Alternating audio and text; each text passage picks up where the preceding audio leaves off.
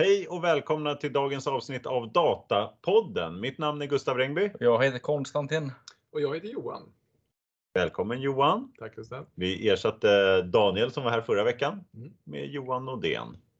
Som också har varit med förut. Jajamän. Eh, ja, vi har fullt med artiklar att gå igenom. Och jag tänkte föreslå att vi börjar med Konstantins. Ja, jag hittar en artikel här med titeln Cloud Data Unicorn Firebolt Fires Dozens of Employees. Spännande. Ja, Firebolt Fires. Det är ju kul bara där. Men det är alltså det israeliska företaget Firebolt som så sent som i februari i år tog in 100 miljoner dollar till en värdering av 1,4 miljarder dollar för fortsatt teknikutveckling, marknadsexpansion och nyanställningar. Totalt hade det då tagit in 269 miljoner dollar. Detta redan efter 13 månader i så kallad stealth mode. Så det är ett relativt nytt bolag som vuxit extremt snabbt. Firebolt är en plattform likt Snowflake, Synapse, BigQuery eller för den delen Databricks.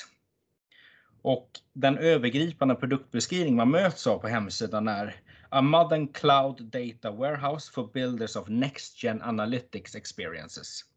Finally, a cloud data warehouse that can handle the scale that you need with the performance you always wanted. Wow.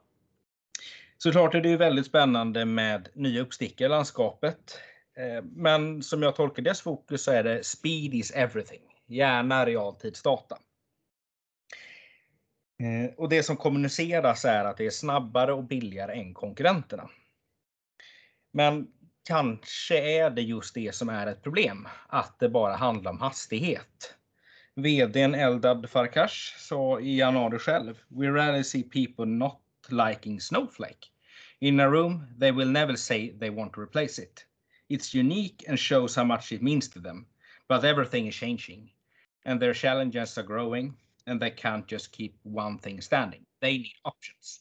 Alltså just det här tyckte jag var lite intressant. För att han själv medgav att Snowflake var nästan det bästa man kan få. Det saknas egentligen bara alternativ. Och det finns ju inte. Eller?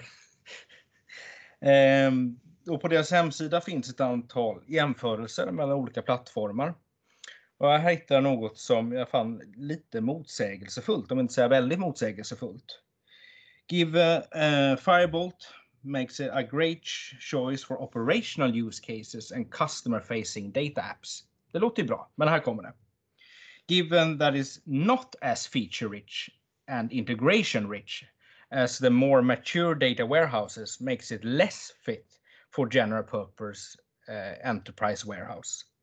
It also not the best fit for ad hoc use cases because of the need to predefine indexing at table level. Alltså, jag har lite svårt att förstå. Det här skriver de själva. Det skriver de själva hemsida. på sin hemsida, så jag, jag har lite svårt att förstå vad ska man använda plattformen till? Operationellt och custom facing apps? Ja. Men är det då ett cloud data warehouse? För det är de ju väldigt tydliga med att det faktiskt ska vara. Men hur som helst så kom nyheten nu att Firebolt sparkar dussintals anställda av de 200 de har i över 20 länder med hänvisning till den nya marknadssituationen utan att gå vid närmare på detta. Eldad kommenterar att även om de har 200 miljoner dollar på kontot så påverkas det av en långsammare marknad och vill skala ner i tid för att fokusera på teknikutveckling och team som arbetar mot kund. Eh, David Sachs som är VD för Paypal, han, han, han twittrade här i, i tidigare somras, eh, precis i början på sommaren, att investeringsläget är liksom det lägsta i, i Silicon Valley, eh, ur hans perspektiv då, sen dotcom-kraschen. Så att ja, det finns ju något, det ligger ju någonting i det han säger, att det kanske är svårt att, att eh, få in nya pengar så man kanske inte kan vara lika, expa, eller liksom lika aggressiv i tillväxten. Eh, men, men man blir ju lite nyfiken. Kan det vara så att de helt enkelt inte fått fart på försäljningen så som de hade tänkt sig? Ehm, men, men självklart är det som sagt spännande med nya plattformar tycker jag. Ehm, men i detta fall förstår jag inte riktigt vad man ska använda till utifrån liksom ett BI-perspektiv. Det verkar snarare vara liksom, operationellt system. Eller att det ska användas i operationellt sammanhang. Ehm, man får en plattform som är väldigt snabb, men inte alls så mogen som andra. Och det här med snabbheten. Tittar man på andra alternativ som Snowflake eller Databricks eller Synapse och sådär. Liksom det, det är inte hastigheten som är problemet just nu. Den, det funkar ganska bra, eller vad säger ni? Nej, kanske inte, men det skulle kunna vara ur ett kostnadsperspektiv. Mm, Tänker jag. Alltså det, om, det, om, de inte, om speed är deras grej mm, så kan det fortfarande vara aktuellt om du får liksom speed per krona.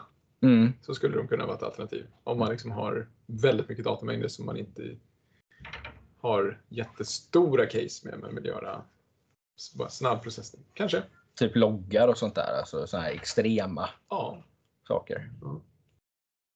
Finns det en poäng eh, för, om, om man säger så här, för en BI manager? Mm. När måste man ha koll på Firebolt? Ja, man kanske skulle få när man har liksom, typ så här säkerhetsloggar och sånt där som bara kan generera hur mycket data som helst. Där man vill Mm. Liksom hitta eh, Det, kä- det, precis, det känns hitta som det är, ett avvikelser. annat, det är ett Liksom. annat verktyg. Deras konkurrenter kanske inte är de du rabblade upp. Snowflake, Synapse, Databricks. Det är Nej. kanske snarare Splunk eller Elk-stacken eller Mm. den typen av verktyg som de konkurrerar med. Mm. Vad jag, Den här rubriken, Cloud Data Unicorn. Brukar man inte säga unicorn det är liksom när det är någon unik företeelse? Eller när det är värderat över en miljard dollar. Okej, det då det är en unicorn? det brukar vara så enkelt. För det, det känns ju inte som i alla fall särskilt unikt då om de säger själva att så här, ja, men vi vill bara vara ett alternativ eh, till Snowflake. Nej. Snowflake går så bra så Mm. att det, det borde finnas plats för en till. Det är inte särskilt unicorn. Nej. Nej. De är väl inte uppe i en sån värdering heller, eller är de det?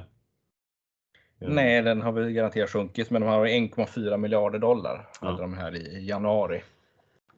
Det känns ju lite läskigt om man nu skulle stå och välja på liksom vilken databas man har. Mm.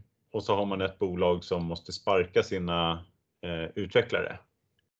Utvecklare är ju svåra att, att få tag på. Mm. Det ska gå ganska långt att man gör sig av med de man har. Det blir ju jättedyrt, bara det. Ja, verkligen. Så vi eh, lägger det här på vi har ju inte med nu här någon titel. Vi brukar ha en del artiklar som handlar om att det är någonting som dör. Ja, precis. Men Börja vissna ungefär. den bränner bort. Ja, men vi kommer, jag kommer ha kvar den här på radarn och, Ja. för jag tycker det fortfarande är spännande att följa. Ja, det borde ju finnas en marknad för det, men eh, det kanske är svårt ändå om man om man dessutom inte lyckas få ut det på marknaden sådär. Eh, kä- vi, vi känner inte till det här. Alltså jag, jag vet ingen som kör det här idag. Nej, jag, jag har sett de här på såna här mässor och sådär. Jag tyckte man hörde ju om det här för något år sedan. Eller två. Eller, Mm. Jag minns inte riktigt, men sådär. Ja, men det här är den nya Snowflake. Kunde man höra folk säga. Ja, men har du hört om den nya Snowflake?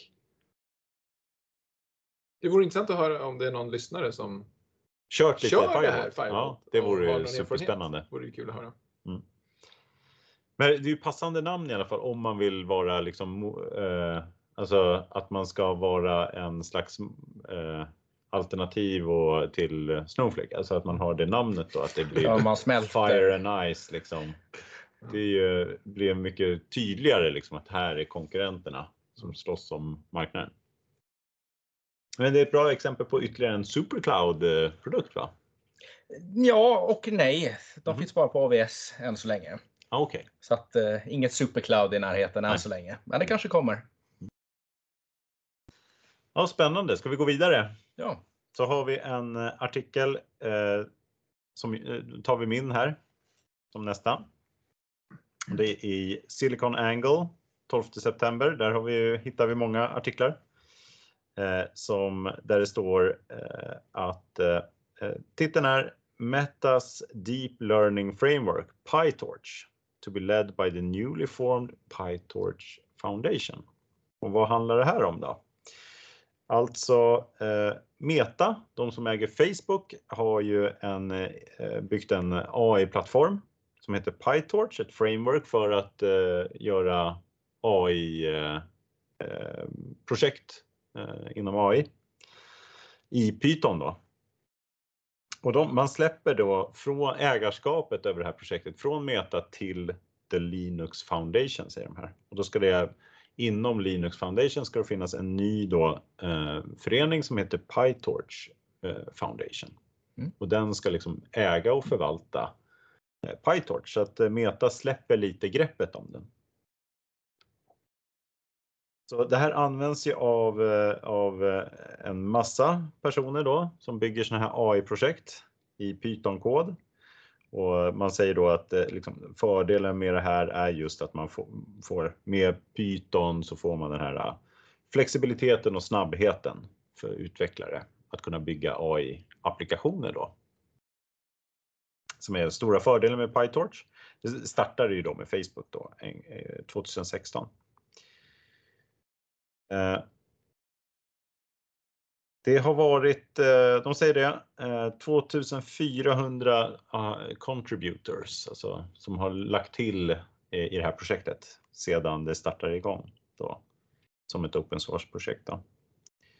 Och det har använts av 18 000 organisationer. Det är bra. Mm. Det är mycket. Eh, och stora contributors, förutom då Meta då, eller Facebook, så har man Amazon Web Services. Eh, de har Advanced Micro Devices Inc. Google Cloud. Och eh, Microsoft också. Och Nvidia. Vad, vad heter man? Jag har aldrig sagt, inte den. Jo, Alltså, just den du sa. Okej. Vad är det? Grafikkortet? Ja, grafikkortet. Eller eh, processorer? Nej. Nu går jag bort med här. Nej, men precis. Grafikprocessorer gör ja precis. Exakt. Nvidia. Nvidia. Mm. Eh, ja, de är alltså, de räknar det här, uh, PyTorch räknas som top 5. En av topp 5 största fastest growing som växer snabbast här open source eh, mjukvaruplattformarna, eh, Eh, projekten i världen. Och eh, Meta tydliggör här att de ska, kommer inte sluta använda det här. Det här betyder inte att de slutar använda PyTorch. Utan de ska fortsätta och har, och har eh, flera då indikationer inom Meta och Facebook att de fortsätter att använda det här. Och, bland annat så finns det ju bra lösningar för bildanalys och så vidare. Då. Eh, men det, det är lite intressant här att se siffrorna här kring hur många som använder då det största AI-programmet. De säger också då att eh, det är 150 000 projekt inom eh, GitHub som använder PyTorch. Eh, står. Så det är ju det är ganska mycket och det säger väl någonting då om den är top 5 så kan man räkna ungefär. Det borde kanske finnas några till projekt om man tittar på TensorFlow och så där också då. Mm. Men ett antal eh, projekt. Lite kommentarer på det här då. Eh, jag tycker det är intressant här. Det här är ytterligare ett exempel på det här med att man har open source tillsammans och så paketerar man eh, liksom tjänster ovanför. Någonting, det är väl en fördel då att man får med allihopa och alla molnetplattformar som vi håller öga på Mm. är ju med. Google Cloud, AWS och Microsoft. Så alla är med och, och, och arbetar med det här. Det blir ju en slags standard då, misstänker man. Och så alla försöker göra ytterligare då funktioner ovanpå det här. Men det följer lite grann ett annat liten trend som jag tycker mig se med när jag talar om filformat så hade du ju både Uber och eh, Air, mm, vad var det mer? Ja, Uber eh, hade gett ett, ett filformat och sen så när man tittar på typ så orkestreringsverktyg och Airbnb har släppt Airflow och Mm. jag tror Luigi tror jag heter för Spotify och sådär. Så att när de gör något extremt bra så släpper de det eh, open source. Fler bara använder de får också hjälp med sin egen utveckling. Ja, och så det är väl liksom det nya sättet att, att standardisera. Försöka hitta en standard på marknaden som Mm. alla kan jobba ut efter. Det är väl himla intressant. Det, även om man drar sig lite grann för att använda open source direkt. Man vill ha, gärna ha någon som man kan tjata på om det blir fel eller någon som kan ta ansvaret lite grann för hur saker och ting fungerar. Johan, har du några Ja, men kommentarer? jag tänker, är det, är det där en given alltså, målsättning för de bolagen som börjar utveckla någonting? Eh, open source. Jag tänker så här nu om, man, om det är ett så här halvstort projekt och community. Eh, då kan man fortfarande kanske som den stora contributorn vara den som driver utvecklingen och får mera makt över Mm. vart det tar vägen. Mm. Om, om spridningen blir för stor så blir den för det kommer för mycket påtryckningar från olika håll och det blir en väldigt liksom, komplex demokratisk process Mm. om det finns många viljor. Mm. Och det kan jag tänka mig kanske också är en anledning till att man släpper den. För att det blir liksom en för tung administration av hela communityn för en aktör. Mm. Och då vill man då vill Meta släppa iväg den så de slipper lägga pengar på att managera det här Ja, just det. till en, en eh, Mm. eh, ideellt driven organisation istället. Men hur mycket Så- makt har de som sitter alltså, i borden för de här communityn att man släpper det till?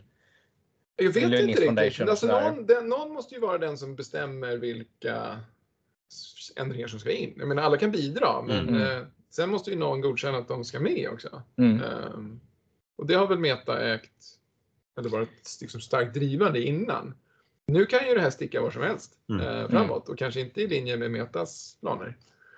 Ja, det, det är ju lite så här svårt att se skillnaden här, för de har ju, liksom, det har ju varit drivet som ett open source-projekt, men Meta har ägt det på något Mm. sätt Mm. ändå.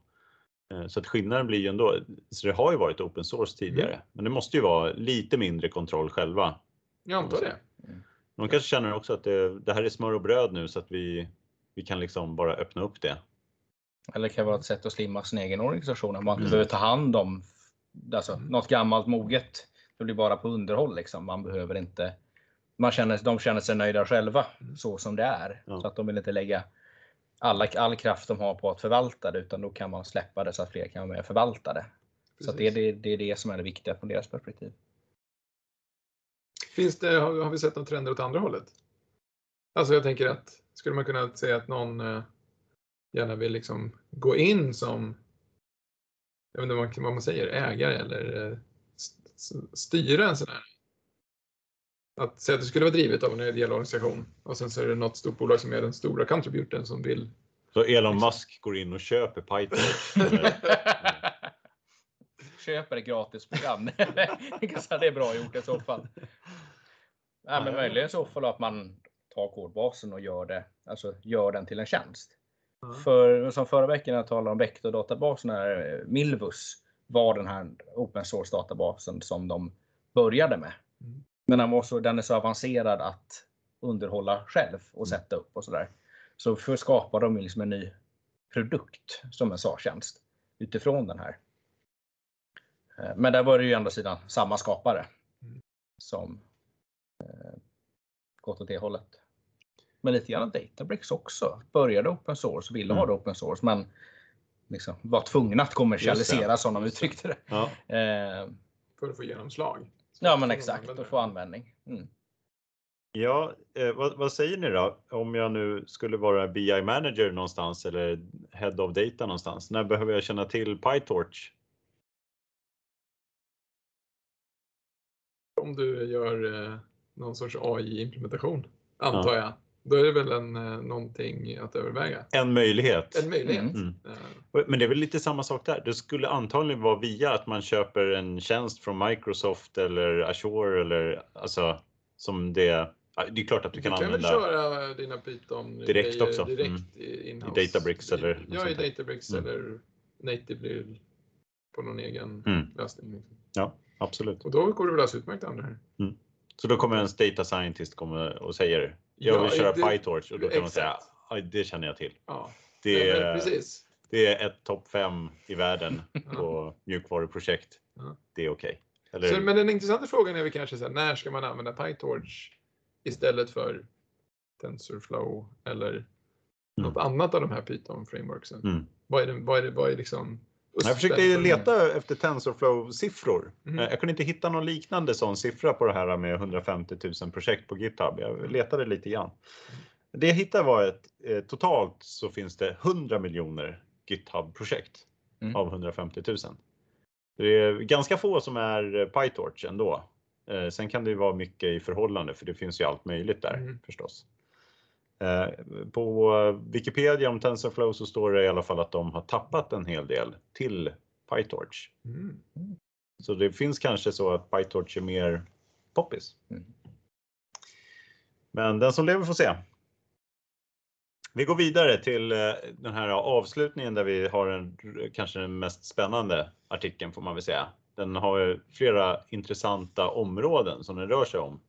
Rör sig inom och eh, som du är expert på alltihopa, eller hur Johan? Ja, eller hur? Eh, och det här är väl kanske den minst nyhetsrelaterade artikeln vi har idag, utan mera diskussionsartade. Eh, men den handlar ju, den, heter, den har artikeln The Data Analytics Marathon. Why your organization must focus on the finish. Av en herre som heter Brent Dykes på Forbes. Eh, Och jag, jag vet inte vad du syftar till. Jag gillar ju att springa maraton. Ja, precis.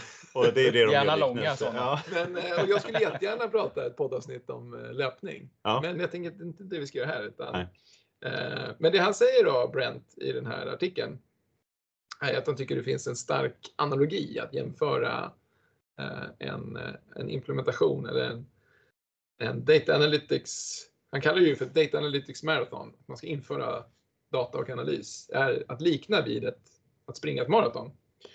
Ehm, men eh, det vill säga man måste vara förberedd, man måste vara bestämd och uthållig och sikta liksom hela vägen mot mål. Men till skillnad mot ett, ett vanligt maraton då, där det kanske finns jublande publik och ett, en fin målgångsportal och man får en fin medalj så är ju belöningarna lite annorlunda i ett eh, data analytics maraton. Eh, det kommer ju i form av affärsvärde i slutändan. Um, men, och det kanske inte super, liksom, en liknelse kan ju också vara att man springer många olika lopp under ett år, så det är liksom en långsiktig eh, resa man gör. Men han har i alla fall eh, gett sig på liksom, att beskriva den här eh, resan eller det här maratonet. Och han börjar med att det första man gör är eh, data collection, samla in sina data Um, i, sin analysplattform. Då. Eh, och, och i nästa steg så ska man preppa den, data preparation, man måste modellera och paketera och eh, liksom, få in, få, ja, men preppa sin information så att man kan använda den. Eh, och sen ska man visualisera den så man kan liksom illustrera den och få ut den så att folk kan tolka den. Och i fjärde steget så, så är det dags att komma till insikter, man gör sin analys och vill få ut någon, något nytt av det här eller lära sig någonting, få en insikt. Eh, och i nästa steg så vill man kommunicera sin insikt. Eh, man behöver liksom illustrera den och prata om den och, och trycka ut den i, till rätt eh, personer i sin organisation. Då. Och det sista är att då såklart göra någonting av den. Take action. Eh, komma, till, komma till någon förändring på grund av det här. Så det är de här sex, sex stegen som han går igenom. Och sen har han gett sig på då att eh, bedöma hur vanligt det är att man har, hur långt man har kommit i den här resan. Eh, och han menar på att i princip 100% klarar första steget. Man samlar in sina data. Mm. Eh, sen tycker han att 80% liksom preppat den. 70% visualiserar och sen blir det ett stort tapp. Eh, det är bara 30 procent som klarar av att göra analysen och komma till insikten. Och sen är det också ett, ett, ett, stort tapp till till att kommunicera insikterna. Det är bara 15 procent som klarar. Och att liksom gå i mål och faktiskt göra någonting av de här insikterna är det 5 procent som, som lyckas med. Så här menar jag på att det finns ett, ett stort tapp, speciellt halvvägs här då, eh, från visualisering till analys. Eh, och det här sista då, eh, den sista halvan, kallar han för the last mile. Alltså, och det är många som, precis som ett riktigt maraton, så kan det vara tungt att springa den där sista milen eh, för att liksom, orka i mål. Eh, och han säger också att det, det är ganska vanligt att många organisationer kanske just inte orkar hela vägen och det är vanligt att man startar upp nya datainitiativ och börjar om den här resan.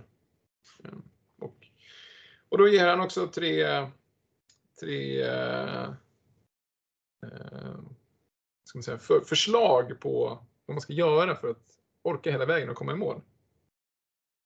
Och det första är att eh, automatisera många eller aktiviteter i, i de tidiga stegen här. Så att man, för det, det är ju då relativt enkelt och många som klarar av det, men det är fortfarande ganska arbetsintensivt. Då föreslår jag att man, om man automatiserar det så har man energi över att fokusera på den sista milen. Han säger också att man ska snäva ner skopet. Eh, ett sånt där eh, analysinitiativ kan ofta ha ganska grandiosa planer. Ehm, men det är kanske bättre att fokusera på det viktigaste och komma hela vägen i mål. Så kan man göra om resan eller lägga till saker i efterhand. Då. Och det sista är att odla en stark datakultur. Eh, han, han jämför det med att en, en, svag datakultur är som att springa i uppförsbacke eh, hela vägen mm. och en stark datakultur är som att springa i nedförsbacke. Eh, man ska fortfarande göra hela resan men det går betydligt enklare eh, om man redan har en kultur på plats. Och det här har vi pratat om i tidigare poddavsnitt också, en jätteintressant mm. grej kring datakultur. Um, så det pratar också lite om att det, det, är någonting som, som man behöver implementera i sin organisation och det måste komma uppifrån. Man ska, lead by example. Eh, ledningen måste tycka att det här är viktigt och verkligen trycka på den här kulturen. Så, så som avslutning då så brukar jag dra han eh, ytterligare en analogi då. Jag har aldrig hört det själv, men han menar på att ett typiskt tips till en maratonlöpare är att eh, spring den första tredjedelen med huvudet, den andra tredjedelen med benen och den sista tredjedelen med hjärtat. Eh, och då menar han på att det är samma här kring data, sin dataresa. Att börja med att den första tredjedelen med huvudet, var smart, bygg en, tänk till innan och bygg en bra platta. Och sen i, eh, i mitten så behöver du, om du springer med benen, behöver vara stark och tålmodig och bara forcera igenom och liksom hålla i den här eh, satsningen. När man kommer till den sista tredjedelen, då behöver man ju liksom inspirera människor i hjärtat då, att de ska bli inspirerade och vilja ta det här vidare och, och driva det här själva vidare så man får in kulturen. Så att, äh, ja, det är hans äh, likställelse med att ta det här, sin dataresa hela vägen in i mål mm. till maratonmållinjen. Vad säger ja. ni, är det en bra liknelse? Spännande, det är en mm. rolig liknelse får man väl säga. Eh, helt klart. Jag, jag, kan tycka, eh, måste man prata maraton, det känns så, som det blir så himla långt. Kan man inte springa en lite mindre runda från början? Det kanske är att hålla nere skopet då, men ja. maraton känns väldigt eh, stort projekt på något sätt sådär. Ja, men jag tror det, hans poäng är liksom att det är en tuff resa att komma hela vägen med sitt analysprojekt. Mm. Så att man behöver, precis som du säger, om du, det, är, det är tungt att springa ett maraton. Man måste förbereda sig. Mm. Man måste engagera sig och träna och det måste man göra i sin analysresa mm. också. Så att, det är lite av poängen att det är långt. Mm. Ser, ser ni samma risker som Brent när, när bland de kunder ni har varit ute hos och sådär eller pratat med i branschen och sådär? Ja, men jag tror de här, uh, jag tror hans procentsatser är ju, ska man ta med en nypa salt. Uh, den har det finns, han har inget liksom, statistiskt stöd för det, utan det är ju bara utifrån hans åsikt. Och jag tror att, jag tror att det kan finnas ett större tapp i början. Alltså han säger att 80% klarar ändå data preparation och sen är det 70 som klarar visualization. Och jag tror att har man väl preppat data, då är man duktig på att visualisera den. Det tror jag är ganska lika. Liksom. Mm. Men jag tror att det är många som tappar mer till preparation. Och det kanske man ska, om du drar analogi med ett maraton, så kanske det är många som springer lite för fort den första halvan mm. Eh, och tycker sig att man men det här går bra. Mm. Vi har preppat data, det här ligger snyggt och prydligt. Men sen så, så blir det tungt på slutet för man går in i väggen. Eh, och likadant här, man kanske, det, det, det, märks när man kommer till analysen och insikten att man inte har gjort en bra foundation under och gjort sin datamodellering och har en bra arkitektur på plats och en bra kultur och allting som behövs för att nå hela vägen. Mm. Fast man tycker sig ha gjort det. Ja, jag, jag håller med, just den tänkte jag på. Just det här att eh, eh det är ju knappast att man gör ett, ett sånt här projekt och sen så har man gjort data prep och så Det är inte en, eh, liksom en tredjedel som bara säger nej, vi misslyckades. Nej. Det blev inga rapporter. Nej. Utan du får ju fram rapporter Ja. och du får ju visualisera. Det är kanske snarare så att det blir jättedyrt att underhålla sen för att du har gjort ett dåligt eh, förarbete så att säga. Mm. Och du kanske misslyckas på grund av det. Eller du, kan inte hitta alla business case eftersom du har eftersom du inte har då tillräckligt bra koll på datat under. Men att du, att du blir begränsad på det sättet. Men du kommer inte, det kommer inte synas på det här sättet att du, att du inte kom förbi första kilometern. Utan det kommer ju se ut som om du går i mål ändå. Kan man säga. Absolut. Det är ingen som står och, och säger nej vi blev aldrig klara för att vi preppade dåligt. Nej. Ja, eller precis. Eller det beror på. Om man gör sin hemläxa efteråt då. Ja. på vad som Två år senare kanske Ja. man. Precis. Men annars så tycker man sig att man har kommit en bra Mm. bit på vägen.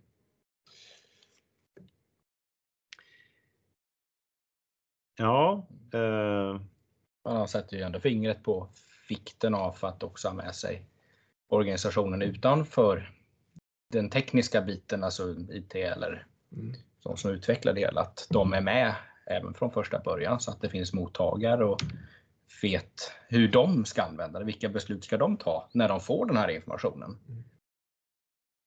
Precis, jag tror man skulle också kunna likställa det här med kanske en bättre liknelse kanske heter en stafett.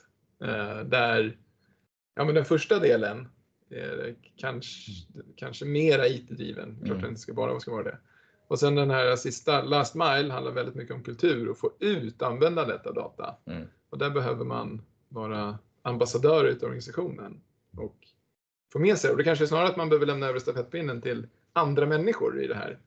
Men hela analysresan är ju såklart, kan man se som ett och samma, men det liksom kommer vara två olika team kanske Mm. snarare som får springa första och andra halvan. Mm. Eh, Och det kanske också är ett sätt att, eller kanske en anledning till att man inte klarar den där last mile. För att man inte riktigt gör den där överlämningen och får med sig hela organisationen. Man lyckas inte lämna över stafettpinnen utan man tycker att nu, nu är data på plats och här är rapporterna. Men Mm. man får liksom inte ut kulturen och användandet av det. Man har jätteduktiga data engineers och dataanalytiker men sen så finns det ingen i verksamheten som eh, för där tar ju oftast också ett BI-projekt eller analysprojekt tar ju slut där med att du har kanske en dataanalytiker. Mm. Det kanske inte finns en påverkan egentligen där ovanför i, i liksom initiativet i alla fall Mm. rent formellt. Nej, och det, kan, det kanske är ett eh, underliggande utmaning här. Mm. Som han sätter fingret på. Att Mm. man behöver se förbi det Mm. till att faktiskt komma till de här tre sista stegen också. Han tar väl upp storytelling då som en, eh, ett verktyg att få ut det här som en slags marknadsföring av siffrorna. Och han- Och, han råkar ju dessutom ha skrivit en bok om data storytelling. Ja, Du kanske ja, får läsa på passande. då. Ja. ja, det är den här uh, insight communication, det näst sista steget. Att Ja. liksom berätta om de insikterna man kommer fram och få folk att förstå dem, Ja. vad de innebär. Jag tycker det här håll nere skopet är ju, det är väl, vi har haft själva gjort en hel del som funderat kring och det är ju någonting som vi har tittat på också och konstaterat att det är superviktigt att hålla skopet på en lagom nivå. Så att man inte försöker ta in för mycket i en första vända. Mm. Automatisera det här. Jag vet inte. Jag, tror han tog upp också att det finns AI-teknik för det. Ja. Känner ni igen det? Den känns lite krystad, tycker jag. Mm. Eh, Att automatisera, att tänka så långt.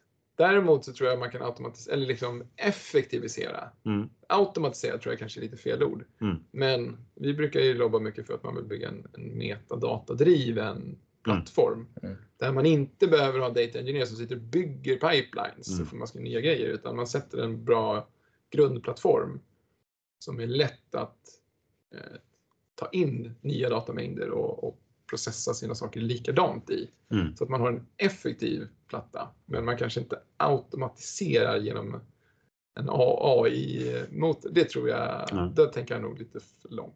Eller är det liksom ett data warehouse automation verktyg som man tänker sig där? Kanske. Jag vet Ja, inte. eh, Kanske han gör, men det skulle jag säga är inte rätt väg att gå då kanske. Nej. Eller kanske mer automatisera det som går att automatisera så man inte fastnar i tekniken liksom, utan Ja. man arbetar med datat som man får in och sådär. Så man vill ju man vill lägga sin tid på att när man liksom tagit sig över ett steg Då vill man jobba, fokusera på nästa steg. Mm. Inte fortsätta sitta och bygga, plocka in datakällor om det nu är liksom en tung, labor-intensive Mm. aktivitet. Då vill man Mm. försöka effektivisera den. Ja, spännande. Men det är, det är intressant just det här. Liksom, tekniken är hälften i stort sett och sen är det Ja. data culture som han räknar in eh, halva delen egentligen. Det är ju jättespännande. Ja, det var en bra artikel Mm. att avsluta med tycker jag. Mm. Tack så jättemycket för att ni har lyssnat på oss idag. Hoppas att ni har haft eh, någon glädje av att få lite koll på Firebolt, PyTorch och hur du får till den här data culture med, vad var det? Eh, Management måste liksom visa go- gott, eh, eh, ja, Gå man gör, först. ja precis, man går först. Lead Och, example. och sen lite storytelling och data literacy på det. Ja. Så ska allting lösa sig. Det är enkelt. Mm. Det är springa mara. Superenkelt. Säger du ja. Som en eh, fireball Exakt. up in the clouds. Tack för idag då. Tack så Tack, tack. mycket. Hej då. Hej då.